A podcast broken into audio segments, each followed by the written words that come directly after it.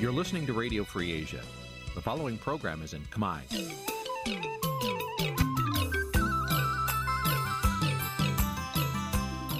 Nǐ chi càm bi tiệp xáy vệt chiu a zì sê ray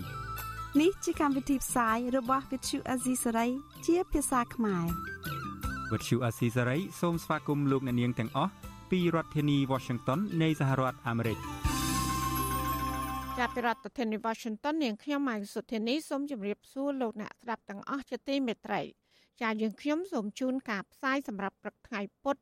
7រោចខែអាសាឍឆ្នាំខាលចត្វាស័កពុទ្ធសករាជ2566ហើយដល់ត្រូវនឹងថ្ងៃទី20ខែកក្កដាគ្រិស្តសករាជ2022ជាដំបូងនេះសូមអញ្ជើញលោកអ្នកនាងកញ្ញាស្ដាប់ព័ត៌មានប្រចាំថ្ងៃដែលមានមេត្តាដូចតទៅ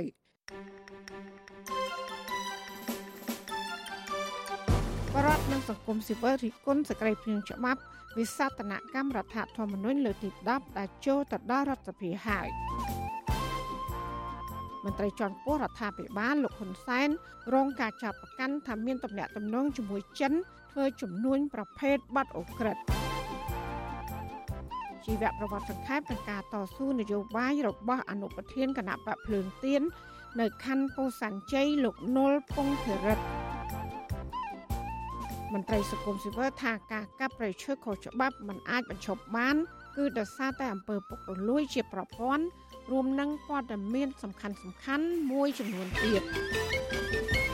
ចាត់ជាបន្តទៅទៀតនេះនាងខ្ញុំម៉ៅសុធានីសូមជូនព័ត៌មានទាំងនោះពឺស្ដាប់ លោកនានីជាទីមេត្រីអនុប្រធានគណៈបកភ្លើងទៀននៅខណ្ឌពោធិ៍សែនជ័យរាជធានីភ្នំពេញលោកនុលពងធិរិទ្ធបដិញ្ញាចិត្តថាតស៊ូទៅមុខទៀតក្នុងបបផែតទៀមទាស្ដារប្រជាធិបតេយ្យនិងយុត្តិធម៌សង្គមបើទោះត្រូវរងការវាយប្រហារពីលើកពីសំណាក់ជនមិនស្គាល់មុខយ៉ាងណាក្តីតើមូលហេតុអ្វីបានជាលោកហ៊ានលះបង់ផលប្រយោជន៍ផ្ទាល់ខ្លួន ដើម្បីចូលរួមធ្វើការងារជាមួយនឹងគណៈបកភ្លើងទៀន ចាសសេចក្តីរាយការណ៍ពីស្ដាមពីរឿងនេះលោកដានៀងនឹងបានស្ដាប់នាពេលបន្តិចទៀតនេះ ចាសសូមអរគុណ thank you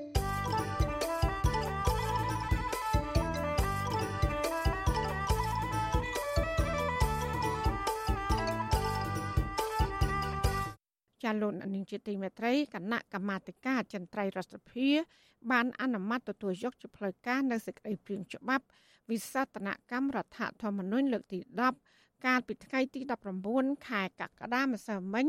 បាទទោះបីជាមានការរិះគន់ពីគណៈបញ្ញយោបាយនិងអង្គការសង្គមស៊ីវិលយ៉ាងណាក៏ដោយការទទួលយកសេចក្តីព្រាងច្បាប់កែរដ្ឋធម្មនុញ្ញនេះធ្វើឡើងបន្ទាប់ពីមានសំណើពីរដ្ឋាភិបាលលោកហ៊ុនសែនយ៉ាងតក់ក្រហល់ដោយគ្មានការពិគ្រោះយោបល់ពីសង្គមស៊ីវិលនិងប្រជាពលរដ្ឋ ការសង្គមស៊ីវិលនិងអ្នកសង្កេតការយល់ឃើញថាការធ្វើវិសោធនកម្មលើកទី10នេះគឺជាការយកព្រៀបនយោបាយទាំងការរំលោភគោលការណ៍ប្រព័ន្ធសភានិយម និងប៉ះពាល់រដ្ឋធម្មនុញ្ញព្រមទាំងប្រយោជន៍ជាតិចាលោកមានរិទ្ធមានសេចក្តីរាយការណ៍ពុស្ដាអំពីរឿងនេះអគ្គលេខាធិការដ្ឋានរដ្ឋសភាឲ្យដឹងតាមរយៈសេចក្តីប្រកាសព័ត៌មានផ្សាយនៅថ្ងៃទី19ខែកក្កដាថា គណៈកម្មាធិការចន្ទ្រៃនៃរដ្ឋសភា បានសម្រេចបញ្ជូនសេចក្តីព្រាងច្បាប់ស្តីពីវិសោធនកម្មរដ្ឋធម្មនុញ្ញទៅគណៈកម្មការជំនាញទី6គឺគណៈកម្មការនីតិកម្មនិងយុតិធធនៃរដ្ឋសភា ដើម្បីពិនិត្យនិងសិក្សាបន្ត តាមនីតិវិធីក្រោយគណៈកម្មការជំនាញពិនិត្យរួចហើយនោះសេចក្តីព្រាងច្បាប់ស្តីពីវិសោធនកម្មរដ្ឋធម្មនុញ្ញនេះនឹងត្រូវបញ្ជូនត្រឡប់ទៅគណៈកម្មាធិការចន្ទ្រៃនៃរដ្ឋសភាវិញហើយគណៈកម្មាធិការចន្ទ្រៃរដ្ឋសភានឹងបើកកិច្ចប្រជុំម្ដងទៀតដើម្បីកំណត់ថ្ងៃបើកកិច្ចប្រជុំពេញអង្គរបស់រដ្ឋសភាអ្នកនាំពាក្យរដ្ឋសភាឯកបៈលោកលេងពេញឡុងប្រវិសុយស៊ីស្រីថាលោកមិនទាន់អាចបញ្ជាក់បានទេថាតើសំណើកែរដ្ឋធម្មនុញ្ញនេះអាចនឹងចេញរួចនៅពេលណានោះ ក៏ប៉ុន្តែលោកថារដ្ឋសភានឹងពិនិត្យរឿងនេះជាការប្រញាប់អូខ្ញុំខ្ញុំមិនអាចជម្រាបជូនបានទេដោយសារឥឡូវនេះច្បាប់នឹងត្រូវបានបញ្ជូនទៅគណៈកម្មការទី6គណៈកម្មការនីតិកម្មនិងយុតិធធហើយលោកនឹងធ្វើការសិក្សាស្រាវជ្រាវហើយក្នុងបទជាផ្ទៃក្នុងគឺច្បាប់នេះជាការប្រញាប់អញ្ចឹងលោកបានលោកធ្វើភ្លាមធ្វើភ្លាមបានស្ដីថា លោកនឹងប្រជុំផ្ទៃក្នុងប្រជុំគណៈកម្មការអន្តរគណៈកម្មការរបស់សភាលោកប្រជុំជាមួយនឹងតំណាងរាស្ត្រនឹងធ្វើស្អីទេខ្ញុំក៏មិនដឹងអីទេដឹងប្រហែលថ្ងៃខ្ញុំក៏អាចជំរាបបានដែរបាទជុំវិញរឿងនេះមន្ត្រីគណៈបពប្រឆាំងនិស្សិតនិងមន្ត្រីអង្គការសង្គមស៊ីវិលយល់ឃើញថាការធ្វើវិសោធនកម្មរដ្ឋធម្មនុញ្ញលើកទី10នេះមិនមានផលប្រយោជន៍អ្វីសម្រាប់ប្រជាពលរដ្ឋនិងសង្គមជាតិឡើយពួកគេថាការធ្វើដូច្នេះនឹងធ្វើឲ្យលទ្ធិប្រជាធិបតេយ្យនៅក្នុងប្រទេសកម្ពុជា កាន់តែធ្លាក់ចុះដុនដាបព្រោះតំណាងគណៈបកនយោបាយដែលមកពីគណៈបកដែលមានសម្លេងភាគតិចនៅក្នុងរដ្ឋសភាពិបាកក្នុងការចូលរួមដោះស្រាយនិងណែនាំទៅដល់ការអនុវត្តច្បាប់និងការប្រព្រឹត្តទៅរបស់ស្ថាប័ននីតិប្រតិបត្តិនៅក្នុងការដឹកនាំរដ្ឋមន្ត្រីភាគច្រើនយល់ថាគោលបំណងនៃការធ្វើវិសោធនកម្មរដ្ឋធម្មនុញ្ញនៅពេលនេះគឺគ្រាន់តែដើម្បីបង្កើនអធិបតេយ្យនយោបាយរបស់លោកនាយករដ្ឋមន្ត្រីហ៊ុនសែនហើយសាងស្ពានចម្លងឲ្យកូនប្រុសច្បងរបស់លោក បន្តតំណែងនាយករដ្ឋមន្ត្រីពីលោកច្រើនជាងដើម្បីបម្រើឲ្យផលប្រយោជន៍នៃការពង្រឹងនីតិរដ្ឋពិតប្រាកដ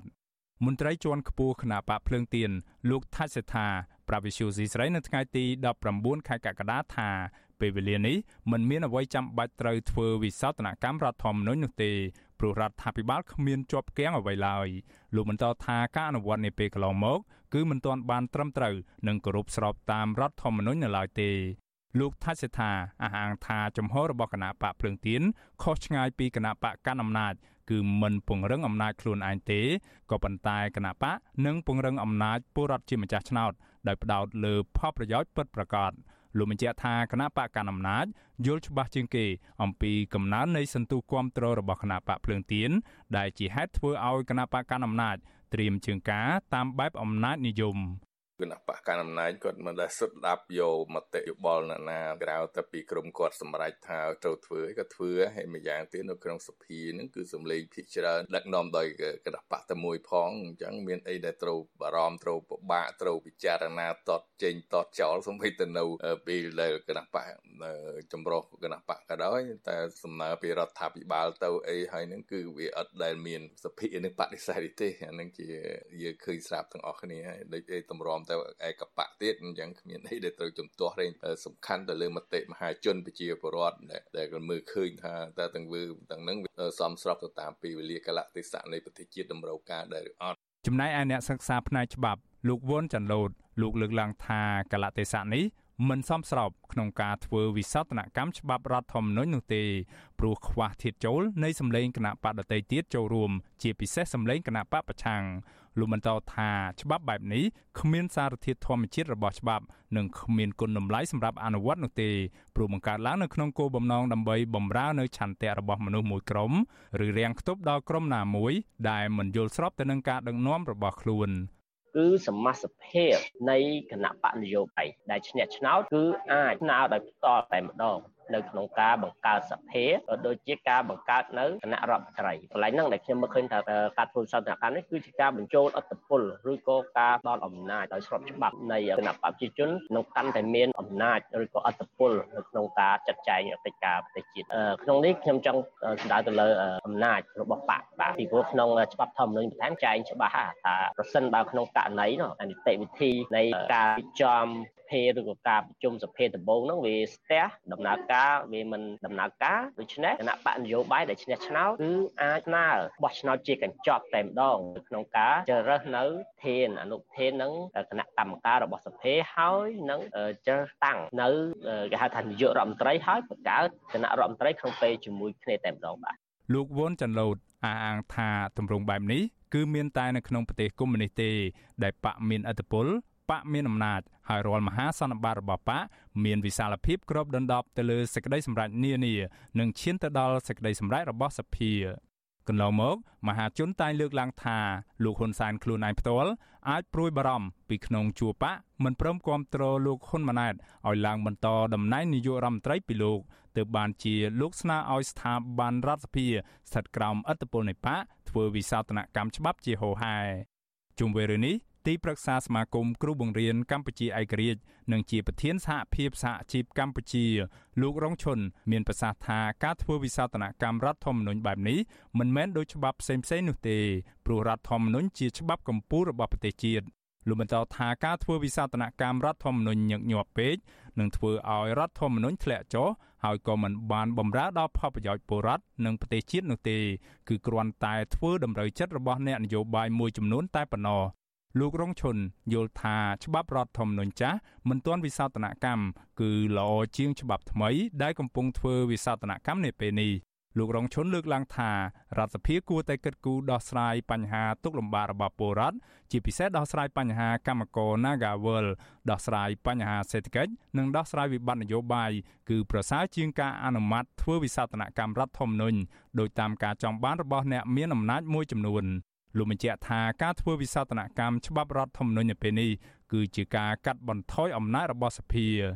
ជុំវិញច្បាប់វិសោធនកម្មច្បាប់ហ្នឹងយើងឃើញថាវាមិនបំរើក៏មិនធានាទៅដល់ផលប្រយោជន៍រាជក៏ដូចជាជាតិដែរហើយសូមឲ្យនាយករដ្ឋមន្ត្រីក៏ដូចជារដ្ឋសភាក្រុមប្រឹក្សាធម្មនុញ្ញនឹងទម្លាក់ចោលគម្រោងធ្វើវិសោធនកម្មហ្នឹងយើងគិតគូរអំពីការដោះស្រាយបញ្ហាជូនប្រជាពលរដ្ឋនិងសង្គមវាប្រសើរជាងយកអារម្មណ៍ទៅធ្វើវិសោធនកម្មដែលច្បាប់ល្អហើយស្រាច់ហើយបែរជាយើងនាំគ្នាទៅធ្វើវិសោធនកម្មឲ្យបាត់អំណាចអធិបុលរដ្ឋសភាហើយសមាជិកសភានឹងត្រូវពិនិត្យមើលពិចារណាខ្លួនឯងឲ្យមែនតែនផងថាតើនៅពេលវិសោធនកម្មនឹងខ្លួនបាត់បង់នៅអំណាចបែបម៉េចនឹងត្រូវពិនិត្យពិចារណាឡើងវិញផង សង្គមស៊ីវិលអ្នកសិក្សានិងមន្ត្រីបពប្រឆាំងយល់ឃើញថាការធ្វើវិសោធនកម្មរដ្ឋធម្មនុញ្ញនៅពេលនេះគឺគណៈបកកណ្ដាលអំណាចគ្មានគោលបំណងគិតគូរពីផលប្រយោជន៍របស់ពលរដ្ឋនិងប្រជាជាតិនោះទេ គឺគណៈបកនេះធ្វើឡើងដើម្បីតែរក្សាអំណាចនិងទួនាទីរបស់គណៈបកតែប៉ុណ្ណោះពួកគេបន្តថាអត្តពលនៃអំណាចគ្រប់គ្រងបែបឯកបកនឹងធ្វើឲ្យតម្លៃនិងអំណាចរបស់សភាជាតិមានអនុភាព ហើយសភាឯកបកក៏មិនអាចដោះស្រាយនៅរាល់ទុកលំបាកឬបញ្ចេញនៅប្រតិកម្មណាមួយ នៅពេលដែលពលរដ្ឋមានបញ្ហាផ្សេងៗក្រោមការដឹកនាំរបស់ខ្លួនពួកគេចាត់ទុកថាការធ្វើវិសោធនកម្មរដ្ឋធម្មនុញ្ញជាបន្តបន្ទាប់មកនេះត្រូវបានអ្នកច្បាប់លើកឡើងថានឹងធ្វើឲ្យរដ្ឋធម្មនុញ្ញចុះទន់ខ្សោយនិងប៉ះពាល់ដល់ប្រព័ន្ធប្រជាធិបតេយ្យនិងសិទ្ធិមនុស្សធ្ងន់ធ្ងរនៅកម្ពុជាខ្ញុំបាទមេរិត Visual C ស្រីរាយការណ៍ពីរដ្ឋធានី Washington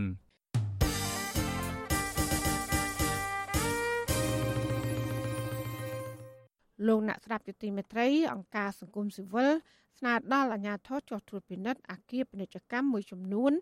ដែលគ្រប់គ្រងដោយជនជាតិចិនហើយអាចមានករណីប្រតិបត្តិការឆបោកតាមប្រព័ន្ធអ៊ីនធឺណិតនិងចាប់បង្ខាំងមនុស្សធ្វើទរណកម្មចម្រិតទារប្រាក់ជាច្រើនថែមទៀត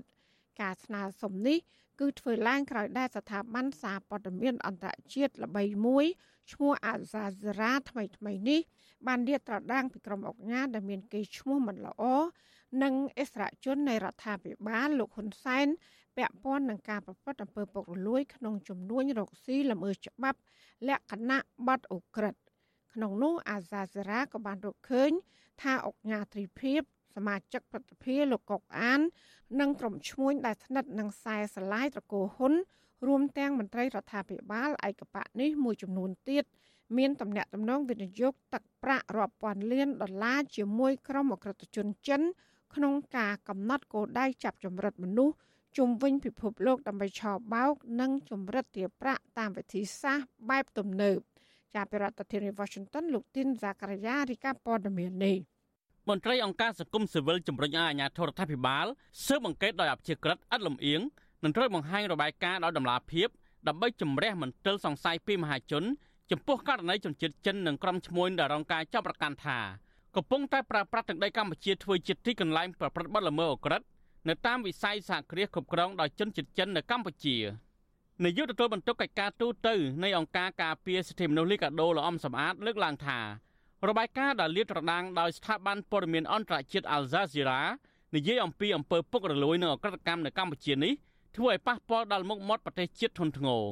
លោកបន្តថាតាមរយៈឯកសាររបស់ស្ថាប័នព័ត៌មានអន្តរជាតិមួយនេះអាជ្ញាធរកម្ពុជាអាចមានលទ្ធភាពគ្រប់គ្រាន់បើការស៊ើបអង្កេតដោយយុត្តិធម៌ដើម្បីស្វែងរកការពិតផ្ដល់ទំនុកចិត្តដល់សាធារណជនទាំងជាតិនិងអន្តរជាតិដែលកំពុងតែវិនិយោគនៅកម្ពុជាទោះបីជាយ៉ាងណាលោកអំសំអាតកត់សម្គាល់ថាករណីចាប់ចម្រិតឬបង្ខាំងមនុស្សនៅក្នុងអាគារនៅកម្ពុជាកន្លងមកនេះត្រូវបានសារព័ត៌មានអន្តរជាតិចុះផ្សាយប្រងព្រាតក៏ប៉ុន្តែអាជ្ញាធរកម្ពុជា តែងតែច្រានចោល ដោយលើកហេតុផលថាព័ត៌មានទាំងនោះបែបបំភ្លៃបំផ្លើសខុសពីការពិត នឹងមានចេតនាធ្វើឲ្យកម្ពុជាស្ថិតនៅក្នុងស្ថានភាពអាក្រក់ណាមួយទៅវិញដូចជានៅប្រទេសថៃនៅចិនអីដែលគេបានចុះនៅក្នុងសារព័ត៌មាននៃប្រទេសគេហ្នឹងវាធ្វើឲ្យប៉ះពាល់សម្រាប់កម្ពុជាយើង ហើយឥឡូវហ្នឹងគឺទូទស្សន៍អាសាសារ៉ាបានចាក់ផ្សាយនៅរឿងចឹងទៀតវាធ្វើឲ្យប៉ះពាល់សម្រាប់កម្ពុជាយើងណាណាមួយយើងឃើញថាកន្លងមកសហរដ្ឋអាមេរិកនៅតែដាក់ចំណាត់ថ្នាក់នៃការជួញដូរមនុស្សសម្រាប់កម្ពុជានៅលំដាប់លេខ2ស្ថិតក្នុងតាមដាន របាយការណ៍ស៊ើបអង្កេតស្ដីពីទាសស្ករតាមប្រព័ន្ធអ៊ីនធឺណិតនៅកម្ពុជារបស់ស្ថាប័នសារព័ត៌មានអន្តរជាតិ Al Jazeera ដែលបានចុះផ្សាយកាលពីពេលថ្មីៗនេះបានលាតត្រដាងនិងបានរៀបរាប់យ៉ាងលម្អិតចំពោះក្រុមហ៊ុនចិនកំពុងបើកប្រតិបត្តិការយ៉ាងក្តៅកគុកក្នុងការចាប់ចម្រិតជនជាតិចិនដូចគ្នានិងបង្ខាំងជនបរទេសរាប់រយរាប់ពាន់នាក់ដើម្បីបើកឱកាសឲ្យពួកគេធ្វើការងារផ្នែកវិស័យបនលបែងឆោបោកមនុស្សនៅលើប្រព័ន្ធអនឡាញនៅតាមតំបន់អាស៊ីអាគ្នេយ៍និងជុំវិញពិភពលោក អល់ហ្សាសេរ៉ាបានផ្សព្វផ្សាយថាបណ្ដាញរបស់អក្រិតជនជនជាតិចិនទាំងនោះកំពុងតែដំណើរការចាប់ចម្រិតបង្ខាំងមនុស្សដោយបង្ខំឲ្យធ្វើការខុសច្បាប់ដែលភ ieck ច្រើនស្ថិតនៅតំបន់អាគារគ្រប់គ្រងដោយជនជាតិចិននៅក្នុងខេត្តប្រសេះហនុនិងតំបន់ដាច់ស្រយាលមួយចំនួនទៀតដូចជាខេត្តពោធិ៍សាត់ខេត្តតាកែវក្រុងប៉ោយប៉ែតនិងនៅរាជធានីភ្នំពេញជាដើមស្ថាប័នសារព័ត៌មានអន្តរជាតិដដាលបញ្ជាក់ទៀតថាជនរងគ្រោះដែលចាញ់បោកក្រុមអក្រិតជនជនជាតិចិន មានជាច្រើនទម្រង់ ក្នុងនោះមានជនរងគ្រោះខ្លះត្រូវបានក្រុមអក្រិតជនចិន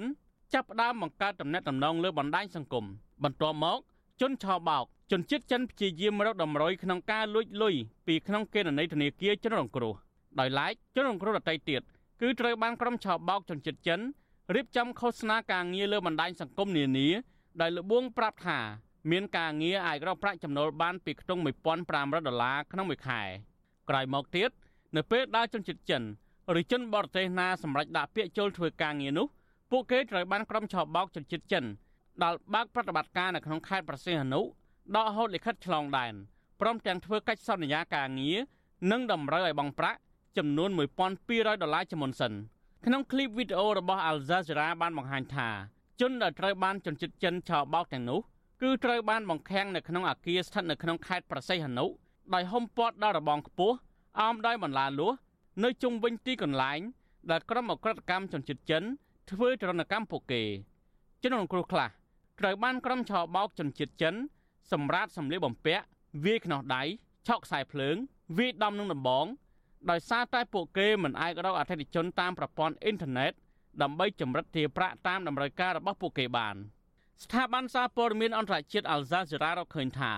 ក្រុមឆោបោករបស់ចិននៅកម្ពុជា ដំណើរការទៅបានដោយសេរីគឺដោយសារតែស្ថិតនៅក្រោមការការពារដោយលោកនាយករដ្ឋមន្ត្រីហ៊ុនសែននិងក្រុមមន្ត្រីក្រាក់ក្រាក់នៃរបបរបស់លោករួមទាំងក្រុមអង្គការដែលមានកេរ្តិ៍ឈ្មោះមិនល្អសុទ្ធសឹងតែមានទំនាក់ទំនងយ៉ាងស្អិតរមួតជាមួយក្រុមហ៊ុនចិនឆបោកនៅកម្ពុជាលើសពីនេះទៀតក្រុមវិនិយោគិនជនជាតិចិនមួយចំនួនទៀតដែលជាម្ចាស់អគារសម្រាប់ខំខាំងមនុស្សធ្វើទរណកម្មនៅក្នុងខេត្តប្រសេះហនុនោះសុទ្ធសឹងតែមានកេរ្តិ៍ឈ្មោះអាក្រក់និងមានប្រវត្តិជាអ្នកទោសនៅក្នុងប្រទេសចិន ដោយសារតែជាប់ពាក់ព័ន្ធនឹងការលាងលុយកខ្វក់និងការប្រព្រឹត្តអំពើពុករលួយខ្នាតអន្តរជាតិជាដើមសារព័ត៌មានអន្តរជាតិដដែលបានរាយការណ៍ថាបរិវេណតំបន់អាគារ Crown Industrial Park ស្ថិតនៅក្នុងខេត្តប្រសេះហនុក្នុងនោះម្ចាស់ក្រុមហ៊ុន Crown Resort គឺជាក្រុមហ៊ុនបត់សម្ព័ន្ធនៃក្រុមហ៊ុនរបស់លោកកុកអាន ដែលជាសមាជិកប្រសិទ្ធិប្រចាំភូមិភាគ5នៃរដ្ឋាភិបាលលហ៊ុនសែនជនរងគ្រោះដែលរួចខ្លួន ចេញពីការបង្ខាំងនៅក្នុងអគារនោះ បានឲ្យដឹងថានៅមានជនរងគ្រោះចំនួន2000ទៅ3000នាក់ផ្សេងទៀតត្រូវគេបង្ខាំងនៅក្នុងបរិវេណនៃអគារដែលជាម្ចាស់កម្មសិទ្ធិរបស់លោកកុកអានប្រពន្ធដដែលបញ្ជាក់ថាក្រុមឆោបោកយកជនរងគ្រោះទាំងនោះទៅឃុំឃាំងនៅក្នុងអគារនេះត្រូវបានឆ្មាំសន្តិសុខដែលមានឯកសន្តាន មានផ្លាកសញ្ញាផ្គត់ផ្គង់ទឹកឈ្មោះអានកោរបស់លោកកុកអានត្រូវបានយាមកាមយ៉ាងតឹងរឹងមិនឲ្យពួកគេអាចចុះពីលើអគារបាន សូម្បីតែជន់ផ្ទាល់ដីចំណែកឯតំបន់មួយទៀតឈ្មោះ Town Victory Paradise Resort and Casino ដែលមានចម្ងាយប្រមាណជាង5គីឡូម៉ែត្រចេញពីក្រុមហ៊ុនរបស់លោកកុកអាន ក្នុងនោះជនរងគ្រោះដែលត្រូវគេបង្ខាំងឲ្យធ្វើការខុសច្បាប់ បានឲ្យដឹងថាក្រុមហ៊ុននោះឈ្មោះ Hengsen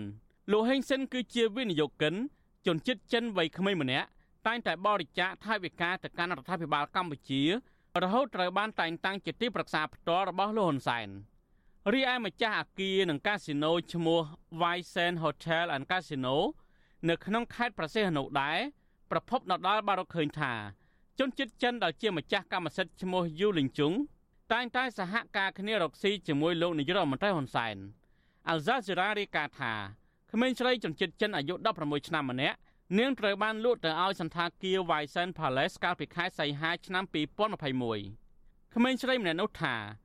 នាងត្រូវបានបង្ខាំងឲ្យធ្វើការបម្រើផ្លូវភេទដល់អតិថិជននៅក្នុងសន្តាគារនោះសារព័ត៌មានដដាលក៏បានរកឃើញដែរថាអ្នកជំនួយម្នាក់ដែលមានឥទ្ធិពលក្នុងរបបលហ៊ុនសែនគឺអង្គញាត្រីភិបក៏មានអាគារសហគ្រាសសម្រាប់ឲ្យជនជាតិចិនប្រតិបត្តិការអាជីវកម្មបែបអក្រិតកម្មដោយចាប់ចម្រិតមនុស្សធ្វើទរណកម្មនៅក្នុងអាគារដែលមានសភាពងងឹតស្ថិតនៅក្នុងខេត្តពោធិ៍សាត់ដែរ ពលរដ្ឋដែលត្រូវបានអង្គការទ្រីភិបរំលោភយកដីធ្លីដើម្បីធ្វើជាតំបន់អក្រិតកម្មនៅតំបន់នោះអះអាងថាពួកគាត់ធ្លាប់ឃើញមានការចាប់បញ្ជូនមនុស្សចូលទៅក្នុងបរិវេណអាគាររបស់លោកទ្រីភិបនិងមានសម្លេងឆ្លាយចេញពីក្នុងបរិវេណនោះដោយសារតែការធ្វើទរណកម្មទៀតផងលោកទ្រីភិបគឺជាអ្នកចំនួនម្នាក់ដែលស្និទ្ធនឹងលោកហ៊ុនសែនចំណែកអាការធ្វើចំនួនរបស់លោករងការចាប់ប្រកាន់ពីសំណាក់សហគមន៍ជាតិនិងអន្តរជាតិថាជាមេឈ្មោះជួញដូរកាប់ឈើសម្រាប់នាំចេញទៅក្រៅប្រទេស ដែលប្រឡូកប្រឡាក់ទៅដោយអំពើពុករលួយ ក្រសួងរដ្ឋាភិបាលអាមេរិកកាលពីឆ្នាំ2019បានសម្រេចចេញច្បាប់ដ៏មានឥទ្ធិពលដាក់ទណ្ឌកម្មនិងបង្កឬរៀងខ្ទប់ទ្រព្យសម្បត្តិលោកទ្រីភិបដោយសារតែជាប់ពាក់ព័ន្ធនឹងការប្រព្រឹត្តអំពើពុករលួយនិងការរំលោភសិទ្ធិមនុស្សធ្ងន់ធ្ងរនៅកម្ពុជា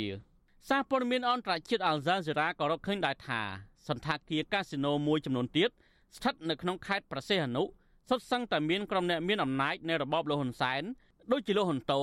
និងអង្គញារដ្ឋីសំណាងរកស៊ីជាមួយជនជាតិចិនដែលមានប្រវត្តិរឿងរ៉ាវអាស្រូវជាអ្នកជាប់ទោសដែលជាប់ពាក់ព័ន្ធនឹងអំពើពុករលួយខ្នាតអន្តរជាតិលោកហ៊ុនតូត្រូវជាក្មួយបង្កើតលោកហ៊ុនសែនដែលសារព័ត៌មានអន្តរជាតិ Al Jazeera បានលាតត្រដាងថាមានតំណែងតំណងជាមួយក្រុមហ៊ុនចិនដែលជាប់ពាក់ព័ន្ធនៅក្រតកម្មគ្រឿងញៀនចំណែកឯអង្គញារដ្ឋីសំណាងត្រូវជាកូនប្រសារលោកកុកអានដែលមានតំណែងតំណងជាមួយក្រុមហ៊ុនចិន ប្រតិបត្តិការឆោបោកមួយចំនួននៅក្នុងខេត្តប្រសេះអនុដែលជាម្ចាស់អគារគ្រប់គ្រងដោយជនជាតិចិនទាំងនោះសុទ្ធសឹងតែមានជាប់ពាក់ព័ន្ធនឹងអំពើលាងលុយកខ្វក់នៅប្រទេសចិនលោករដ្ឋីសំណាងស្លាប់កាលពីខែឧសភាឆ្នាំ2022វិទ្យុអាស៊ីសេរីមិនអាចតតងសមាជិកប្រសិទ្ធិប្រចាំភូមិភាគ5លោកកុកអានលោកអង្ញាត្រីភិបនិងក្មួយប្រុសបង្កើតលោកហ៊ុនសែនគឺលោកហ៊ុនតូដើម្បីសុំការអធិប្បាយជំវិញនឹងរឿងនេះបានឡើយទេ ចំណែកឯប្រធានអង្គភិបប្រឆាំងអំពើពុករលួយលោកអមយិនទៀងនិងអភិបាលខេត្តប្រសេះអនុលោកគូចចម្រើនក៏មិនអាចតតងដើម្បីសាកសួរអំពីបញ្ហានេះបន្ថែមបានដែរវិទ្យុអាស៊ីសេរីក៏ព្យាយាមតតងប្រធានអង្គភិបអ្នកនាំពាក្យរដ្ឋាភិបាលលោកផៃសិផានអ្នកនាំពាក្យក្រសួងមហាផ្ទៃលោកខៀវសុភ័ក្រនិងអ្នកនាំពាក្យអគ្គស្នងការរដ្ឋាននគរបាលជាតិលោកឆៃកំខឿនដើម្បីសុំប្រតិកម្មជំវិញនឹងការលាតត្រដាងអំពើពុករលួយរបស់អ្នកមានអំណាចនៅកម្ពុជានេះដែរ ប៉ុន្តែមិនអាចតាក់ទងបានទេកាលពីថ្ងៃទី19កក្កដារីឯអ្នកនាំពាក្យស្នងការរាជធានីភ្នំពេញលោកសានសុកសេហាវិញបដិសេធមិនធ្វើអធិប្បាយជំវិញនឹងរឿងនេះទេដែលលោកបានចុចផ្ដាច់ប្រព័ន្ធទូរស័ព្ទភ្លាមៗបញ្ហាទៅលើថ្នាក់ជាតិទូទួលនាំទៅលើថ្នាក់ជាតិទោះបីជាយ៉ាងណាលោកផៃសិផានធ្លាប់ប្រាប់វិទ្យុអាស៊ីសេរីកន្លងមកថាករណីចាប់ចម្រិតមនុស្សជាបទល្មើសទូទៅនៅលើសកលលោកលោកទទួលស្គាល់ថាការចាប់ចម្រិតមនុស្សនៅកម្ពុជា គឺជាវប្បធម៌មួយសម្រាប់ក្រុមអក្រិតជន តែពួកគេចាប់ចម្រិតជនជាតិបរទេសដើម្បីចម្រិតទារប្រាក់តែប៉ុណ្ណោះលោកអះអាងថាអាញាធមមានសមត្ថកិច្ចបានអនុវត្តច្បាប់យ៉ាងម៉ឺងម៉ាត់ទៅលើក្រុមអក្រិតជនទាំងនោះបន្ថែមពីនេះស្នងការនគរបាលខេត្តប្រសេះអនុលោកជួននរិនក៏ធ្លាប់អះអាងប្រាប់វិទ្យុអាស៊ីសេរីដែរថាករណីបង្ខាំងមនុស្សជាពិសេសជនជាតិថៃនៅក្នុងខេត្តប្រសេះអនុដែលបានផ្សព្វផ្សាយកន្លងមកនោះ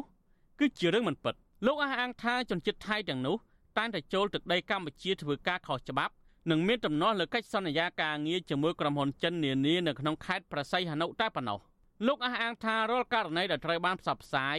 ថាមានករណីចាប់បង្ខាំងជនជាតិថៃនៅខេត្តប្រសេះហនុរយៈពេលចុងក្រោយនេះសមត្ថកិច្ចតែងតែចោះស៊ើបអង្កេតដោយមិនបានរកឃើញដោយការចោទប្រកាន់ពីសំណាក់សារព័ត៌មានថៃនោះឡើយ។ ហើយក្នុងការយើងទៅសហការជាមួយកន្លែងគាត់ធ្វើការហ្នឹងគាត់ធ្វើការធម្មតាហើយក៏មានជនជាតិថៃមួយចំនួននៅជាមួយគាត់ដែរចូលទៅថាមានប្រខាំងមានអីដល់ចូលទៅនេះគឺ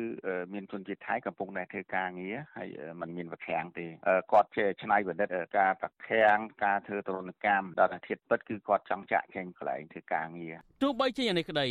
ជនជាតិថៃត្រូវបានគេជួយសង្គ្រោះកន្លងមកនោះ សារព័ត៌មានថៃបានរាយការណ៍ថាពួកគាត់ត្រូវបានជនជាតិចិនបង្ខំឲ្យធ្វើការខុសច្បាប់នៅកម្ពុជាព្រមទាំងមានស្លាកស្នាមជាប់នៅលើដងខ្លួនដោយសារតែរងការធ្វើទរណកម្មពីសំណាក់ក្រុមអក្រិតជនជាតិចិននិវិភាគនយោបាយលោកកឹមសុខក៏សម្គាល់ថាឯកសារស៊ើបអង្កេតរបស់ស្ថាប័នសារព័ត៌មានអន្តរជាតិ Al Jazeera នេះធ្វើឡើងមានការស្រាវជ្រាវបង្ហាញពីអត្តសញ្ញាណជនអក្រិតនិងមានមូលដ្ឋានច្បាស់លាស់គួរឲ្យជឿទុកចិត្តបាន លោកបន្តថាការលាតត្រដាងរបស់ក្រុមបកពួកលហ៊ុនសែនដែលធ្វើចំនួនអាជីវកម្មបែបអក្រិតបែបនេះនឹងរងភាពអាម៉ាស់ធ្ងន់ធ្ងរហើយប្រព័ន្ធរដ្ឋបាលឆបោកបែបនេះគួរហៅថាជាប្រព័ន្ធចៅអក្រិតហើយប្រព័ន្ធចៅអក្រិតបើយើងប្រើពាក្យថាជារដ្ឋាភិបាលដែលអាម៉ាស់មុខបំផុតតែប៉ុណ្ណឹងខ្ញុំគិតថាដូចជានៅស្ទើជុំវិញនឹងរឿងនេះដែរអ្នកសម្របសម្រួលសមាគមការពារសិទ្ធិមនុស្សអាត់ហុក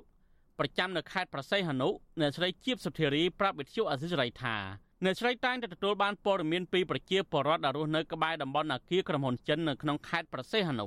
ពួកគាត់លើកឡើងថាតែងតែឮសំឡេងស្រែកចេញពីក្នុងអាគារអ្នកស្រីឲ្យដឹងទៀតថាកាលពីអំឡុងឆ្នាំ2019ពិតជាមានករណីធ្វើទរណកម្មមនុស្សនៅក្នុងអាគារដោយត្រូវបានសារព័ត៌មានផ្សព្វផ្សាយជាច្រើនដែរអ្នកស្រីបញ្ជាក់ថាបរដ្ឋនៅក្នុងខេត្តប្រស័យហនុ ដែលរស់នៅក្បែរអាគារក្រុមហ៊ុនចិនទូទៅមិនហ៊ាននិយាយអំពីករណីចាប់បង្ខាំងមនុស្សធ្វើទរណកម្មនេះប្តឹងទៅអាជ្ញាធរមានសមត្ថកិច្ចឡើយអ្នកស្រីថាមូលហេតុដែលពលរដ្ឋមិនហ៊ានផ្ដល់ព័ត៌មានទាំងនេះជូនសមត្ថកិច្ចដោយសារតែការនាំពាក្យពីពលរដ្ឋលើករណីបង្ខាំងមនុស្សខុសច្បាប់នេះគ្មានការគ្រប់គ្រងពីសមត្ថកិច្ចហើយពួកគេព្រួយបារម្ភពីបញ្ហាសវត្ថិភាពផ្ទាល់ខ្លួនទៅវិញ។ ហើយជាការទទូចយើងនៅតែសុំឲ្យរដ្ឋាភិបាលលោកមេតាពង្រឹងការអនុវត្តច្បាប់ហើយនឹងចុះធ្វើការស្រាវជ្រាវហើយគួរតែមានការបោសសម្អាតដែរបើសិនជាមានការខុបខិតគ្នាព្រោះនិយាយទៅថាវាតាក់ទងទៅនឹងមាត់មុខមាត់ប្រទេសរបស់យើងដែរព្រោះប្រទេសរបស់យើងនិយាយទៅថាជាប្រទេសមួយមានធនធានធម្មជាតិមានលទ្ធភាពគ្រប់គ្រាន់ក្នុងការបើកឱកាសឲ្យអ្នកវិនិយោគសុចរិតជើញចុះមកដាក់ទុនដើម្បីរកស៊ី តើតើនៅរឿងនេះដែរអង្គការសហប្រជាជាតិទទួលបន្ទុកផ្នែកសិទ្ធិមនុស្សលើកឡើងថ្មីថ្មីនេះថាការជួញដូរមនុស្សគឺជាបញ្ហារំលោភសិទ្ធិមនុស្សយ៉ាងធ្ងន់ធ្ងរដែលវាកើតឡើងនៅទូទាំងពិភពលោកក្នុងនោះរួមមានទាំងកម្ពុជាផងដែរអង្គការសហប្រជាជាតិបញ្ជាក់ថាការជួញដូរមនុស្សអាចធ្វើឡើងតាមទម្រង់ផ្សេងៗគ្នាប៉ុន្តែវាអាចរំលោភទៅលើសិទ្ធិសេរីភាព និងសវត្ថិភាពសិទ្ធិមិនទទួលរងការធ្វើទរណកម្មអំពើខុសខើអំពើអមនុស្សធម៌ឬការបន្ទាបបន្ថោក ឬសិទ្ធិផ្សេងផ្សេងជាច្រើនទៀតដែលអង្គការសហប្រជាជាតិបានទទួលស្គាល់ដើម្បីទប់ស្កាត់បង្ក្រាប និងដាក់ទណ្ឌកម្មលើការជួញដូរមនុស្សទោះបីជាណាសារព័ត៌មានអន្តរជាតិ Al Jazeera បានរាយការណ៍ឲ្យដឹងទៀតថាមានមនុស្សរាប់ពាន់នាក់ផ្សេងទៀតនៅតែរងចាំការដោះលែងចេញពីកន្លែងឃុំឃាំងនៅកម្ពុជាខណៈដែលក្រុមហ៊ុនឆបោករបស់ចិននៅតែធ្វើសកម្មភាពអត់ស្រាកស្រានហើយម្យ៉ាងទៀតនៅស្របពេលកម្ពុជាកំពុងតែមានអំពើនេតិនភាពឬភាពគ្មានទោសពៃ និងមានអំពើពុករលួយគ្មានដែនកំណត់ផងនោះខ្ញុំទីនសាការីយ៉ាពីរដ្ឋធានី Washington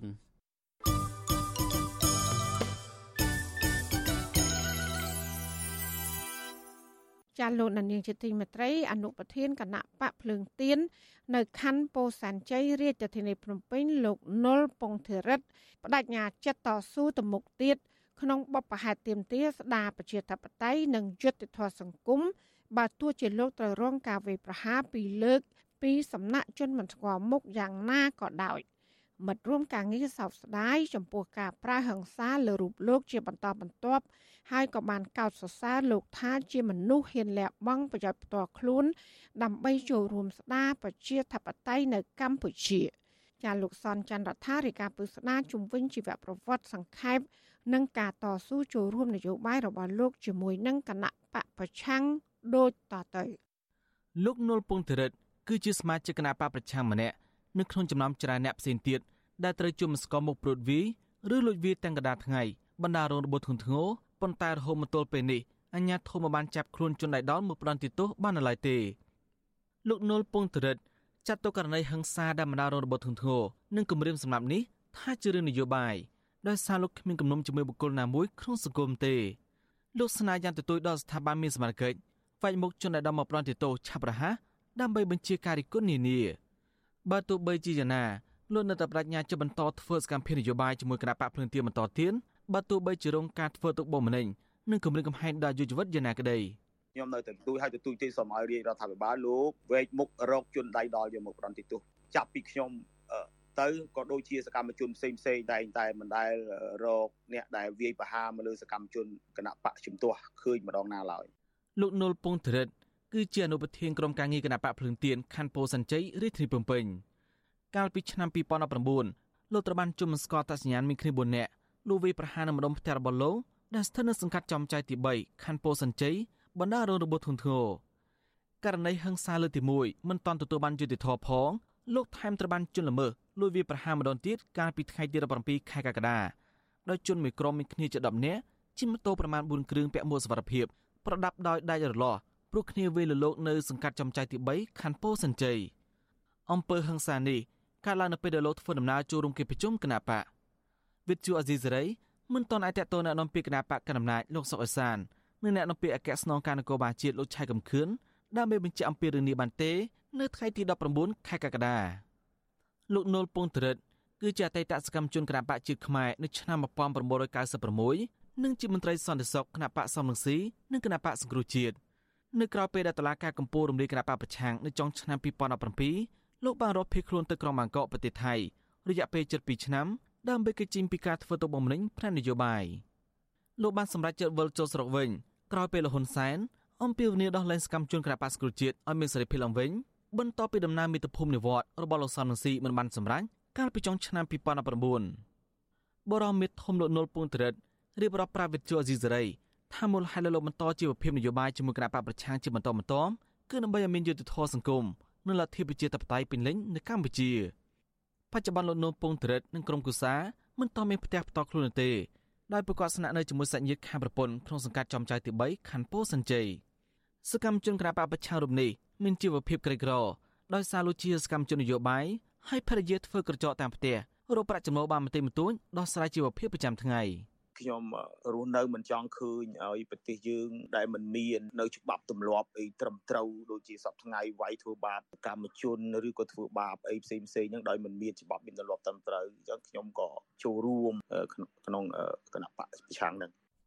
លោកនុលពងត្រិតហៅកំហែងជ័យកាលនៅឆ្នាំ1973នៅក្នុងគ្រួសារមន្ត្រីរាជការនៅភូមិស្ពឺកើតឃុំស្ពឺស្រុកចំការលើខេត្តកំពង់ចាមលោកបានបញ្ចប់ការសិក្សាថ្នាក់ទី11 លោកបានរៀបការជាមួយលោកស្រីអ៊ុយសុផាឡានៅឆ្នាំ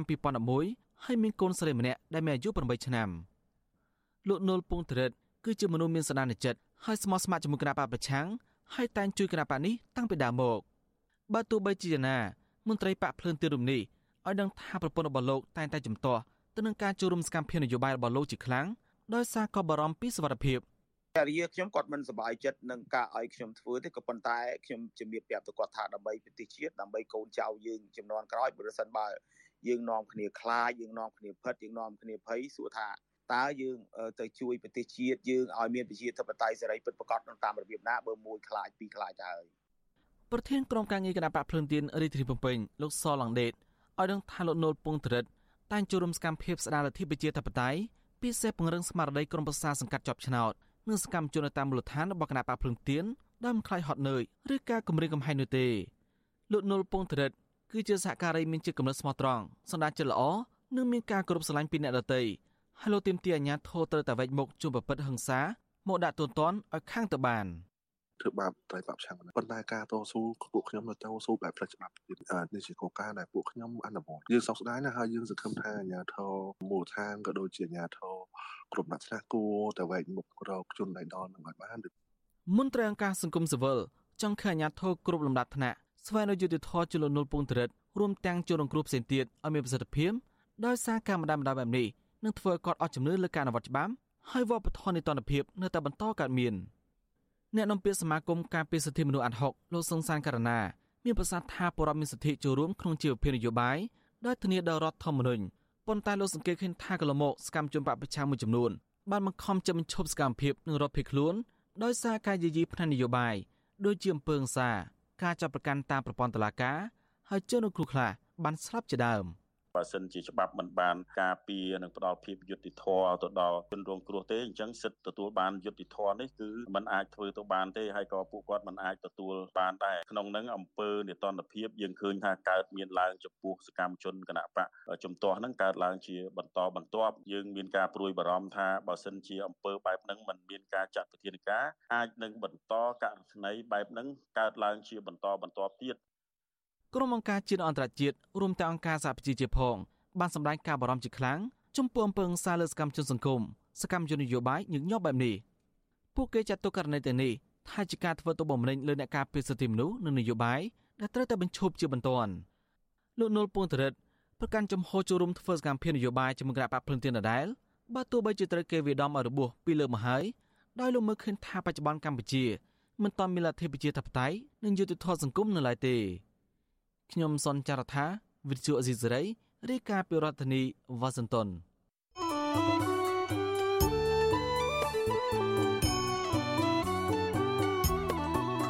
ចាលោកនាងជាទីមេត្រីក្រោយទៅពីការស្ដាប់ការផ្សាយរបស់វិទ្យុអស៊ីសេរីតាមបណ្ដាញសង្គម Facebook និង YouTube លោកនាងកញ្ញាក៏អាចស្ដាប់ការផ្សាយរបស់យើង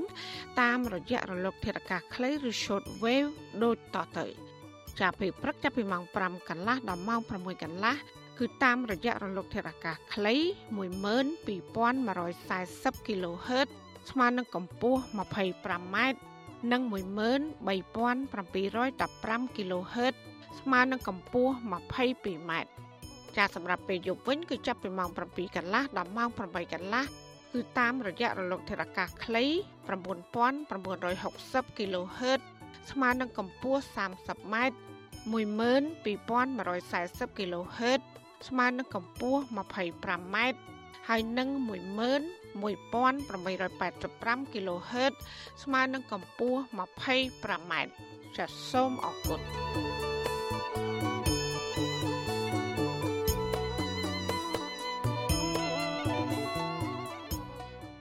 ចាលោកនានីជាទីមេត្រីដែលឡាយតាក់ទងនឹងករណីកញ្ញាសេងធីរីវិញមេធាវីការពារក្តីរបស់កញ្ញាគឺលោកជួងជងីបានចូលទៅជួបសួរសុខទុក្ខកញ្ញារួចហើយកាលពីថ្ងៃទី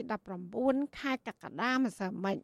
លោកបន្តថានេះជាការចូលសួរសុខទុក្ខលើកទី3ហើយបន្ទាប់ពីកញ្ញាត្រូវបានចាប់ខ្លួននិងបញ្ជូនទៅឃុំនៅពន្ធនាគារខេត្តព្រះវិហារ លោកវេទវីបន្តថាស្ថានភាពសុខភាព និងផ្លូវចិត្តរបស់កញ្ញាសេងធីរីនៅតែរឹងមាំដដែលដោយនៅទីនោះមានការយកចិត្តទុកដាក់ពីក្រុមគ្រូពេទ្យនៅទីនោះជាមួយគ្នានេះលោកក៏កំពុងពិភាក្សាជាមួយកញ្ញាអំពីការដាក់ពាក្យប្តឹង ទៅតុលាការស្នើសុំឲ្យផ្ទេរការឃុំខ្លួនពីពន្ធនាគារខេត្តព្រះវិហារមកកាន់ពន្ធនាគារប្រៃសណនៅរាជធានីភ្នំពេញវិញ ឥឡូវនេះគឺយើងទើបតែទទួលបានសារក្រមពីតឡាការមកអញ្ចឹងប្រហែលជាតឡាការអត់ទាន់បានពុសំណុំរឿងទៅសាលាឧទ្ធរទេខ្ញុំជាមេធាវីខ្ញុំរងចាំការពីក្តីគាត់ទៅតឡាការតទៀតហើយខ្ញុំនឹងធ្វើការពិចារណាបើសិនជាតាមនីតិវិធីអាចដើរក្តីទីមទីដល់លែងគាត់មុនអង្គសក្តីបានខ្ញុំនឹងដើរនីតិវិធីនឹងប៉ុន្តែឥឡូវនេះគឺខ្ញុំអត់ទាន់សិក្សាពីច្បាប់តាក់ពីរឿងតាមនីតិវិធីសូមឲ្យដល់លែងគាត់នៅក្នុងឃុំទេ អឺសំខាន់នៅពន្ធនាគារនោះគឺមានខាងសាសនាយេស៊ូគេចូលមកដើម្បីផ្សព្វផ្សាយដូចថាចូលរួមថ្វាយបង្គំព្រះអញ្ចឹងណាហើយគាត់ចង់ចូលរួមប៉ុន្តែមានការរឹតបរិទ្ធបន្តឹងគាត់មិនអាចចូលរួមដូចថាបានតាមសម្រួលណាជួនបានចូលរួមជួនមិនបានចូលរួមអញ្ចឹងហើយចំពោះព័ត៌មានវិញគឺគាត់ដេចព័ត៌មានពាក់ព័ន្ធរឿងបញ្ហាសង្គមនឹងតែម្ដង កញ្ញាសេងធីរីត្រូវបានតឡាការសម្រេចបញ្ជូនខ្លួនយកទៅឃុំនៅឯពន្ធនាគារខេត្តព្រះវិហារកាលពីថ្ងៃទី15ខែមិថុនាក្រោយពីបានចាប់ខ្លួនមួយថ្ងៃកញ្ញាត្រូវបានតឡាការក្រុងភ្នំពេញកាត់ទោសឲ្យជាប់ពន្ធនាគារ6ឆ្នាំក្នុងសំណុំរឿងរួមកំណត់ក្បត់ និងចូលរួមសកម្មភាពផ្សេងផ្សេងប្រឆាំងរដ្ឋាភិបាលជាមួយអតីតមន្ត្រីគណៈបកសង្គ្រោះជាតិមន្ត្រីសង្គមស៊ីវិលអង្គការជាតិនិងអន្តរជាតិនិងអ្នកគ្រប់គ្រងកញ្ញាស្នើឲ្យតឡាការបញ្ជូនកញ្ញាសេងធីរី មកកាន់ពន្ធនាគារប្រៃសណវិញពីព្រោះការឃុំខ្លួនកញ្ញានៅភ្នំពេញมันបានបង្កឲ្យមានភាពអសន្តិសុខដោយជាការលើកឡើងរបស់មន្ត្រីពន្ធនាគារនោះឡើយ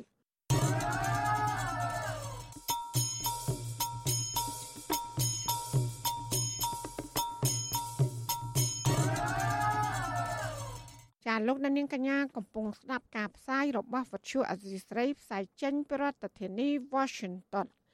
លោកអុកទូចគឺជាមនុស្សទីមួយហើយ ដែលហ៊ានយកស្បែកជើងគប់តម្រង់ក្បាលលោកនាយករដ្ឋមន្ត្រីហ៊ុនសែនក្នុងអំឡុងពេលដែលលោកមកចូលរួមកិច្ចប្រជុំពិសេសអាស៊ានអាមេរិកនៅឯរដ្ឋធានី Washington តើដំណើរការរបស់តុលាការអាមេរិកលើករណីលោកអុកទូចនេះដល់ណាហើយ ចាសសូមលោកអ្នកនាងកញ្ញារងចាំស្ដាប់ការបកស្រាយរបស់លោកអុកទូចអំពីរឿងនេះនៅក្នុងការផ្សាយរបស់យើងនាពេលបន្តិចទៀតនេះចាសសូមអរគុណចាលោកនានីជាទីមេត្រីនៅក្នុងសន្និសីទស្ដីពីសមិទ្ធផលក្រសួងកសិកម្មរយៈពេល5ឆ្នាំប្រធានរដ្ឋបាលប្រៃឈើលោកកៅអូម៉ាលីសថ្លែងថាបាត់ល្មើសប្រៃឈើនៅកៅសេមានិងស្រែពក នៅតែបន្តកើតមានពីព្រោះខ្វះកម្លាំងមន្ត្រីយាមល្បាតព្រៃមន្ត្រីសង្គមស៊ីវិលមិនយល់ស្របចំពោះការលើកឡើងនេះទេហើយថាការកាប់ព្រៃឈើខុសច្បាប់មិនអាចបញ្ឈប់បាន គឺដោយសារតែអំពើពុករលួយជាប្រព័ន្ធទៅវិញទេចាលោកជាតិចំណានរាយការណ៍ព័ត៌មាននេះប្រធានរដ្ឋបាលព្រៃឈើលោកកែវអូម៉ាលីថ្លែងថាបទល្មើសព្រៃឈើនៅតំបន់កែវសីមា និងស្រែពកបន្តកើតមានព្រោះខ្វះកម្លាំងមន្ត្រីល្បាតព្រៃលោកថ្លែងបែបនេះ ក្នុងសន្និសីទស្ដីពីសមិទ្ធផលក្រសួងកសិកម្មរយៈពេល5ឆ្នាំដែលធ្វើឡើងនៅទីស្តីការគណៈរដ្ឋមន្ត្រីកាលពីព្រឹកថ្ងៃទី19ខែកក្កដាចំពោះចំនួនមន្ត្រីសម្រាប់អនុវត្តច្បាប់នៅទីនោះគឺមានចំនួនតិចអានេះគឺជាបញ្ហាប្រឈមកន្លងមកមួយទៀតគឺបញ្ហាជាប់ព្រំដែននេះតំបន់កែវសីមានិងតំបន់ស្រែពកនេះព្រំបទល់ជាប់នឹងប្រទេសវៀតណាមនឹងរាប់រយគីឡូម៉ែត្រ ជាប់ផ្ទាល់តែម្ដងអញ្ចឹងនៅរដូវខែប្រាំងនេះគឺថាការធ្វើដំណើរឆ្លង តែបន្តិចគឺដល់ហើយអញ្ចឹងបាត់ល្មើសមានភាពលំបាកនៅក្នុងការទប់ស្កាត់មែនទែននៅក្នុងរដូវប្រាំងរដូវភ្លៀងយើងដើរអត់ដល់ក៏ជាការលំបាកមួយទៀតដែលធ្វើឲ្យមានបញ្ហានេះជំវិញការលើកឡើងរបស់មន្ត្រីរដ្ឋបាលព្រៃឈើនេះប្រធានផ្នែកកម្មវិធីស្រាវជ្រាវនឹងតស៊ូមតិនៃសមាគមបណ្ដាញយុវជនកម្ពុជាលោកហេងកំហុងយល់ឃើញថាការលើកឡើងនេះមិនឆ្លុះបញ្ចាំងពីបញ្ហាពិតប្រាកដ ដែលបណ្ដាលឲ្យមានការកាប់បំផ្លាញព្រៃឈើដោយខុសច្បាប់នោះទេលោកឲ្យវិសុវអស៊ីសេរីដឹងថាបញ្ហាចម្បងដែលបណ្ដាលឲ្យមានបទល្មើសព្រៃឈើនៅតែកើតមានគឺបណ្ដាលមកពីអំពើពុករលួយជាប្រព័ន្ធលោកបន្ថែមថាការបង្កើនចំនួនមន្ត្រីអនុវត្តច្បាប់ឬចុះល្បាតព្រៃនឹងនៅតែមិនអាចកាត់បន្ថយបទល្មើសកាប់បំផ្លាញព្រៃឈើបាននោះឡើយប្រសិនបើក្រសួងពាក់ព័ន្ធមិនអាចធ្វើឲ្យមន្ត្រីទាំងនោះធ្វើការដោយភាពស្មោះត្រង់និងមានទំនួលខុសត្រូវពិតប្រាកដ យើងធ្លាប់បានរកឃើញហើយយើងបានធ្លាប់បានជួបប្រជាពលរដ្ឋប្រមាណជា200នាក់ក្នុងនោះមានប្រជាពលរដ្ឋជិត50%បានលើកឡើងថាខ្លួនបានឃើញមានការប្រព្រឹត្តអំពើពុករលួយនៅក្នុងតំបន់ការពារធម្មជាតិហើយទន្ទឹមជាមួយនឹងគ្នានឹងដែរយើងឃើញថាអង្គការអន្តរជាតិមួយចំនួនដូចជា Amnesty International ឬក៏ USAID ក៏ធ្លាប់បានលើកឡើងអំពីកត្តាបារម្ភអំពីការប្រព្រឹត្តអំពើពុករលួយនៅក្នុងតំបន់ការពារធម្មជាតិ ដែលជាកត្តាជំរុញឲ្យមានការបាត់បង់ព្រៃឈើនេះដែរបាទរបាយការណ៍របស់អ្នកខ្លំមើលព្រៃឈើរកឃើញថាក្រុមអុកញ៉ាមួយចំនួនជាឈ្មោះអ្នករកស៊ីឈើធំធំនិងជាមន្ត្រីជាន់ខ្ពស់របស់រដ្ឋាភិបាលនៅតែបន្តរកស៊ីកាប់ឈើយ៉ាងសស្រាក់សស្រាំដដែលព្រមទាំងគ្មានចំណាត់ការច្បាប់ទៅលើអាជ្ញាធរមានសមត្ថកិច្ចទាំងនោះអ្នកខ្លំមើលថារដ្ឋាភិបាលផ្ទាល់តែម្ដងដែលតែងតែចេញមកការពារអ្នកជួញឈើខុសច្បាប់របស់ក្រុមអុកញ៉ានិងក្រុមហ៊ុនឯកជនទាំងនោះតាក់ទងទៅនឹងការលើកឡើងនេះ សកម្មជនការពារព្រៃឡង់លោកថោងគុយប្រាប់វិសុអសិសរីថាក្រសួងពាក់ព័ន្ធគួរតែលើកទឹកចិត្តដល់ប្រជាសហគមន៍ឲ្យចូលរួមជួយលបាតព្រៃដើម្បីទប់ស្កាត់បទល្មើសព្រៃឈើជាជាងការបន្ថែមមន្ត្រីអនុវត្តច្បាប់ព្រោះកន្លងមកការដឹកឈើខុសច្បាប់ចេញពីព្រៃតែងតែមានការខុបខិតពីអាជ្ញាធរពាក់ព័ន្ធ មន្ត្រីនៅហ្នឹងគាត់ក៏ជាឈ្មួញគាត់ក៏អ្នកទិញប្រមូលទិញឈើពីឈ្មួញខុសច្បាប់ដែរដឹកមកអញ្ចឹងហើយក៏មានឈ្មួញទៅពីក្រៅហ្នឹងក៏ដឹកចេញមកដើម្បីចែកចាយទៅកាន់ដេប៉ូផ្សេងផ្សេងហើយក៏មានការដូចបងធ្លាប់ដឹងហើយមានការកាងការអីអញ្ចឹងដូចអ្នកកសែតទៅអញ្ចឹងមានមន្ត្រីណាមួយកាងរត់ផ្លូវរត់អីអញ្ចឹងអានឹងរឿងហ្នឹងគឺមានដូចអត់មានថាស្រាក់ស្រាននៅតែមានជាហោហែ របាយការណ៍របស់អង្គការលើកលែងទោសអន្តរជាតិរកឃើញថាការកាប់ឈើខុសច្បាប់ក្នុងតំបន់ព្រៃការពារធម្មជាតិបង្កើតឲ្យមានការរំលោភសិទ្ធិមនុស្សនិងលុបបំបាត់ទំនៀមទម្លាប់ជនជាតិដើមភាគតិចនៅកម្ពុជា របាយការណ៍ដដែលបញ្ជាក់ថានៅកម្ពុជា មានការកាប់បំផ្លាញព្រៃឈើខ្ពស់ជាងគេនៅលើពិភពលោកក្នុងរយៈពេលប្រមាណទសវត្សរ៍ចុងក្រោយនេះដោយបានបាត់បង់ព្រៃប្រមាណ64%នៃគម្របព្រៃឈើចាប់តាំងពីឆ្នាំ2011រហូតដល់បច្ចុប្បន្នខ្ញុំបានជាចំណាន Visual Assisray ប្រធានាទី Washington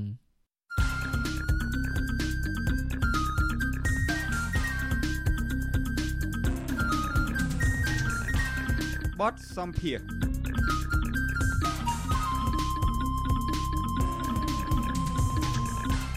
លោកណានៀងជាទីមេត្រីលោកអុកទូចដែលយកស្បែកជើងគប់តម្រង់ក្បាលលោកហ៊ុនសែន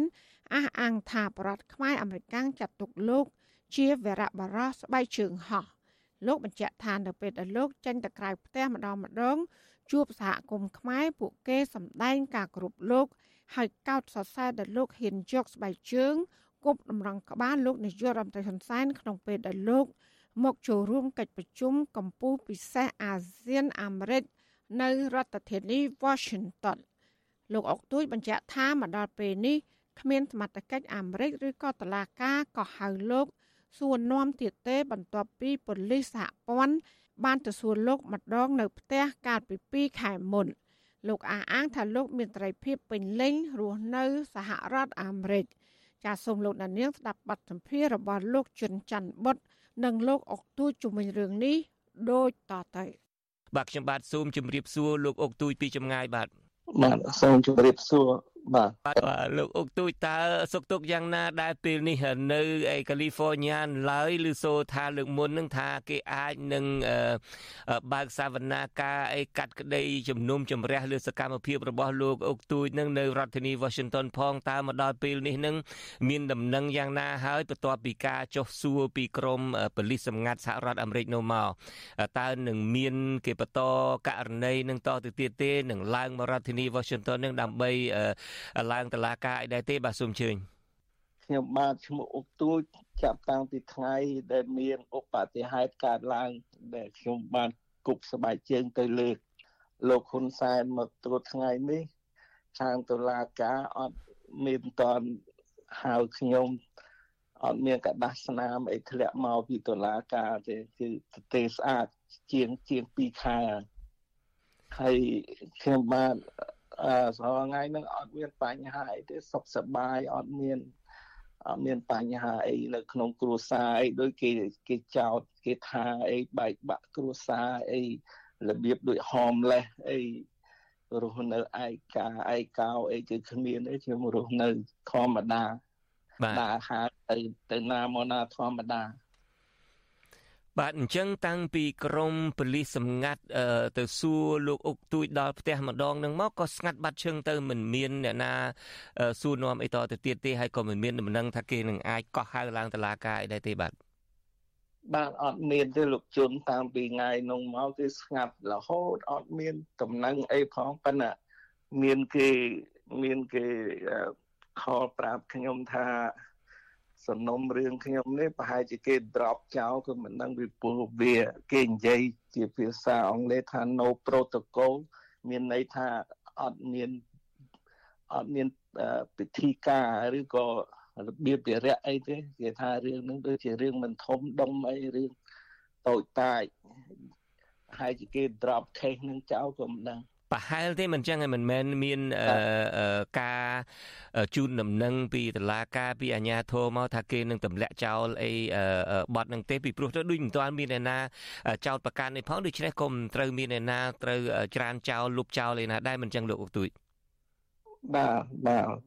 គេថា no protocol នឹងមានន័យថា no ពិធីការ no ដូចថាវាអត់មានរបៀបវិរៈអីដែលត្រូវហៅឡើងខួតឡើងអី អានឹងតាមគេប្រាប់ខ្ញុំអញ្ចឹងបាទមិនយ៉ាងម៉េចអានេះគ្រាន់តែគ្រាន់តែប្រហែលទេបាទ តើរាល់ថ្ងៃនឹងមានលអើលខ្លួនតែថ្ងៃណាមួយគេមកគោះទ្វារអីដែរទេពីព្រោះភាកច្រើនអ្នកដែលឮដំណឹងថាមានអាញាធរមានអីគេមកមកចាប់ជាពិសេសចោអីជាដើមនៅពេលដែលប្រព្រឹត្តអំពើឯណាមួយហើយតែងតែបារម្ភមិនដឹងថ្ងៃណាមួយគេមកគោះទ្វារផ្ទះហៅឡើងតឡាការឬចាប់អីតើលោកអុកទូចមានទទួលអារម្មណ៍ទេខ្ញុំចាំថានៅពេលដែលលោកអុកទូចបានចោលស្បែកជើងទៅលើលោកនាយករដ្ឋមន្ត្រីហ៊ុនសែនហើយនឹងលោកអុកទូចថាសម្រានលក់ណាស់មិនដែលខ្វល់អីទេចុះបន្ទាប់ពីដឹងតំណែងថាមានប៉ូលីសសម្ងាត់មកសួរដកនាំដល់ផ្ទះហើយថាអាចនឹងគេលហៅឡើងតឡាការទេមានលអើខ្លួនទេឬមួយនៅតែសម្រានលក់ស្រួលដូចលើកមុននៅអត់អត់មានអើមានអីទេនៅតែអារម្មណ៍នៅតែស្រួលបើអារម្មណ៍ស្ងប់ស្ងាត់អត់មានបញ្ហាអីចោតទេបាទអត់ទេអត់មានបារម្ភអីទាំងអស់បាទ ខ្ញុំខ្លួនឯងក៏ធ្លាប់ឆ្លងកាត់អឺមានបញ្ហាជាមួយនឹងអាញាធរនៅប្រទេសកម្ពុជាដែរមានតឡាការនឹងហៅឡើងអឺ ក្តីក្តាំអីជាដើមទន្ទឹមនឹងមានតឡាការហៅឡើងចូលសួរនាំនឹងតឡាការនឹងក៏មានពីក្រោយឆាកនឹងមានមនុស្សតែងតែមកសុំឲ្យសុំទោសទៅអឺបងនឹងរួចខ្លួនហើយសុំទោសសម្ដេចមួយម៉ាត់ទៅស្អីទៅអីអញ្ចឹងទៅណាបញ្ចុះបញ្ចូលតើក្នុងករណីលោកអុកទូចវិញមានអ្នកមកបញ្ចុះបញ្ចូលថាសុំទោសទៅសារភាពទៅថាការគប់ស្បែកជើងនេះពីក្រមប្រឆាំងទេអ្នកបខំឬមួយក៏ពីក្រមណាអ្នកបខំអីទៅដើម្បីឲ្យបានរួចទោសតើមានគេមកបញ្ចុះបញ្ចូលពីក្រោយនឹងទេក្នុងរយៈពេលនេះដោយមានដែរមានដែរគេថាសុំទោសសម្ដេចទៅសម្ដេចលើកលែងទោសឲ្យចេះចោះអី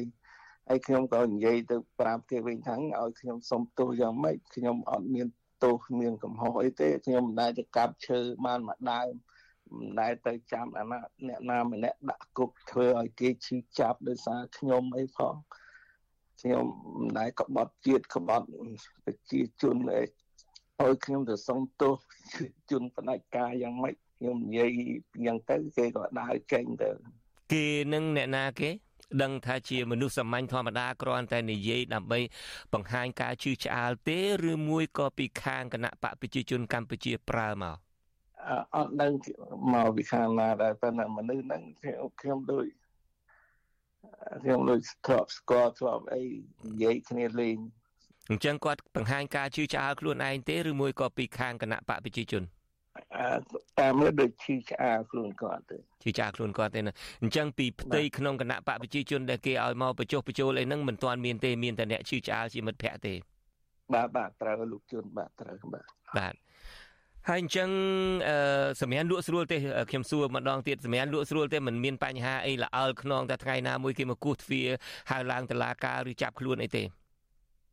អត់ទេអត់មានទេអត់មានបញ្ហាអញ្ចឹងផងខ្ញុំអូខ្ញុំមួយថ្ងៃសប្បាយចិត្តមួយថ្ងៃនោះឡើងផោនផង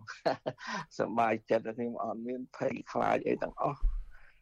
ណាខ្ញុំដើរអ្នកខ្លះគេថាខ្ញុំមួយថ្ងៃនៅតែក្នុងផ្ទះ ពួននៅដូចក្នុងនៅក្នុងរុនដូចកដុលអីអ្នកអ្នកខ្លះគេនិយាយអញ្ចឹងប៉ុន្តែខ្ញុំអត់ទេខ្ញុំអត់មានចឹងផងខ្ញុំដើរពេញណាពេញណីទៅរេស្តូរ៉ង់ជួនកាលខ្ញុំទៅរេស្តូរ៉ង់អញ្ចឹងទៅដល់មនុស្សផ្អើលឈុលហ្មងថាយីវិរៈបរោះស្បែកជើងហោះមកហើយទៅគេចូលមើលជ្រោមគេចូលមើលជ្រោមយ៉ាងហើយអ្នកខ្លះស្ទុះមកថ្វាយអង្គមខ្ញុំទៀតហើយ ហើយខ្ញុំទៅផ្សារវាយ៉ាងតែគេស្គាល់ខ្ញុំពេញទឹកពេញដីខ្ញុំមុនដំបូងខ្ញុំអត់ដឹងតែខ្ញុំមានគេស្គាល់ដល់ប៉ុណ្ណឹងផងនេះខ្ញុំនិយាយការពិតខ្ញុំអត់អង្គុយលើច្អេលើខ្លួនឯងគឺរឿងពិតអញ្ចឹងហ្មងខ្ញុំដើរទៅតាណាក៏គេស្គាល់គេអាណិតគេស្រឡាញ់ខ្ញុំបាទអត់គេឲ្យតម្លៃខ្ញុំ ហើយយ៉ាងម៉េចទៅคล้ายទៅជា អ្នកល្បីឈ្មោះមកប្រព្រិចភ្នែកនឹងតើរីករាយនឹងទទួលគេឈ្មោះដែលគេហៅវីរៈជននឹងទេមានអីទទួលតាទទួលបានទទួលបានហើយដូច្នេះបើសិនជាអាចវង្វលនីលកាថយក្រោយវិញក៏មិនដូរដែរនៅតែគប់ស្បែកជើងយ៉ាងไงនោះអឺ អត់ទេតែតែម្ដងនៅអត់មានអត់មានលើកទី2ទៀតទេប៉ណ្ណឹងបានឈប់ប៉ុន្តែប៉ុណ្ណឹងអាសម្ដេចនាយកគាត់ភ័យណាស់ហើយគប់ខុសគាត់ផងហើយគាត់ភ័យដល់ប៉ុណ្ណឹងហើយហើយខ្ញុំឮថាគាត់ពីមុនមកគាត់ធ្លាប់ចេះអាក្បួន30កុក30អីដែរប៉ុន្តែមិនដឹងអ្វីគាត់រូបភ័យញីអញ័រគាត់ណាស្បែកជើងមិនត្រូវគាត់ផងហើយត្រង់គាត់ដូចខ្ញុំនិយាយអត់ដែរដែរត្រង់គាត់ ឲ្យកូនចៅគាត់នេះយកក្របបែក4ក្របគប់មនុស្សធ្លាយពវៀនឈាមហូរដោយបលាយទឹកមើលទៅគួរឲ្យសង្វេគហើយខ្ញុំចេះតែគិតថាមិនក៏គាត់ណាស្បែកជើងខ្ញុំនឹងក៏វែងទៅមិននឹងត្រូវគាត់ផងឆ្ងាយពីគាត់ប្រហែលកន្លះម៉ែត្រនោះគាត់ចងគាត់ខឹងនឹងដៅកាហាយនឹងខ្ញុំដល់ប៉ុណ្ណឹងខ្ញុំ ខ្ញុំដូចអត់យល់បាទអឺលោកអុកទូចនៅពេលដែលគប់ស្បែកជើងហើយដំបងខ្ញុំឮសូថាអឺភរិយារបស់លោកអុកទូចនឹងក៏រៀង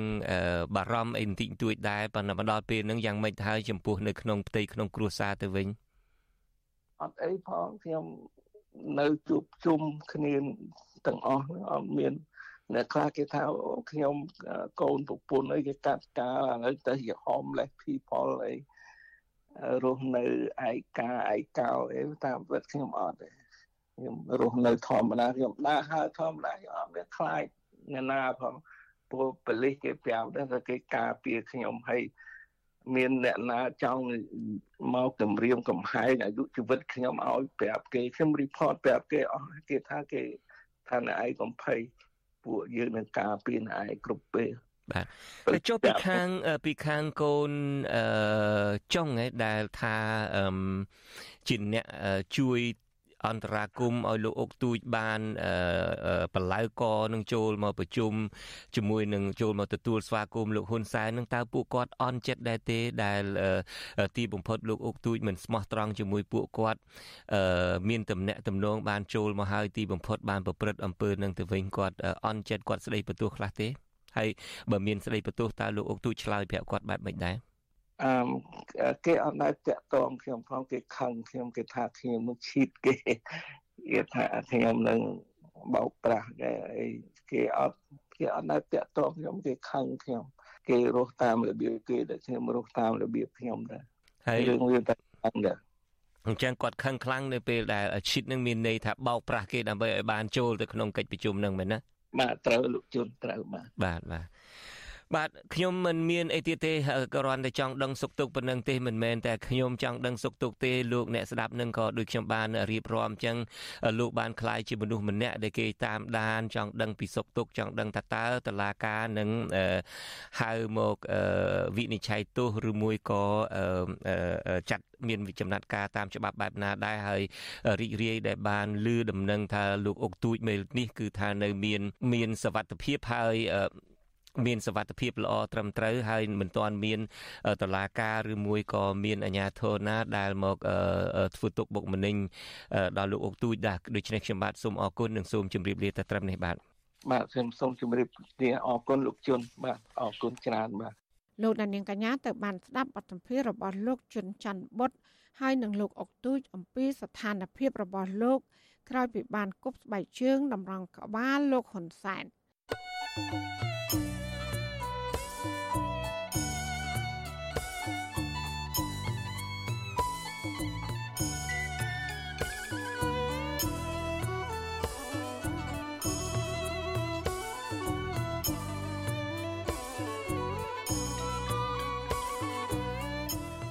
ចាលោកលានាងកញ្ញាអ្នកស្ដាប់ជាទីមេត្រីការផ្សាយរយៈពេល1ម៉ោងរបស់វិទ្យុអាស៊ីស្រីជាភាសាខ្មែរនៅពេលនេះចាប់តែប៉ុណ្ណេះចាយើងខ្ញុំទាំងអស់គ្នាសូមជូនពរលោកលានាងនិងក្រុមគ្រួសារទាំងអស់សូមជួបប្រកបតែនឹងសេចក្តីសុខសេចក្តីចម្រើន ជានិរន្តរ៍ចានាងខ្ញុំម៉ៅសុធានីព្រមទាំងក្រុមការងារទាំងអស់របស់អាស៊ីស្រីសូមអរគុណនិងសូមជម្រាបលា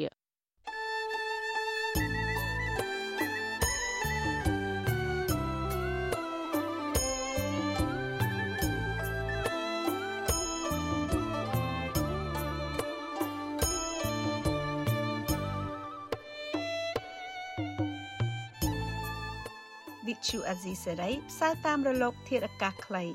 ឬ short wave តាមកម្រិតនិងកម្ពស់ដូចតទៅនេះពេលព្រឹកចាប់ពីម៉ោង5កន្លះដល់ម៉ោង6កន្លះ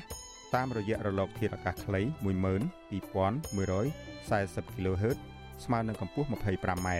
និង13715 kHz ស្មើនឹងកម្ពស់ 22m ពេលយប់ចាប់ពីម៉ោង7កន្លះដល់ម៉ោង8កន្លះតាមរយៈរលកធាតុអាកាសខ្លី 9960 kHz ស្មើនឹងកម្ពស់ 30m 12140 kHz ស្មើនឹងកម្ពស់ 25m និង11885 kHz ស្មើនឹងកម្ពស់ 25m លោកអ្នកនាងអាចស្ដាប់ការផ្សាយផ្ទាល់តាមប្រព័ន្ធអ៊ីនធឺណិតដោយចូលទៅកាន់គេហទំព័រ www.rfa.org/ ខ្មែរក្រៅពីនេះ លោកអ្នកនាងក៏អាចអាននិងទស្សនាព័ត៌មានវិទ្យុអេស៊ីសេរីលើទូរស័ព្ទដៃរបស់លោកអ្នកផ្ទាល់សូមលោកអ្នកនាងចូលទៅកាន់បណ្ដាញសង្គម Facebook ដែលមានអាសយដ្ឋាន www.facebook.com/rfa.cambodia និង YouTube www.youtube.com/rfa khmer video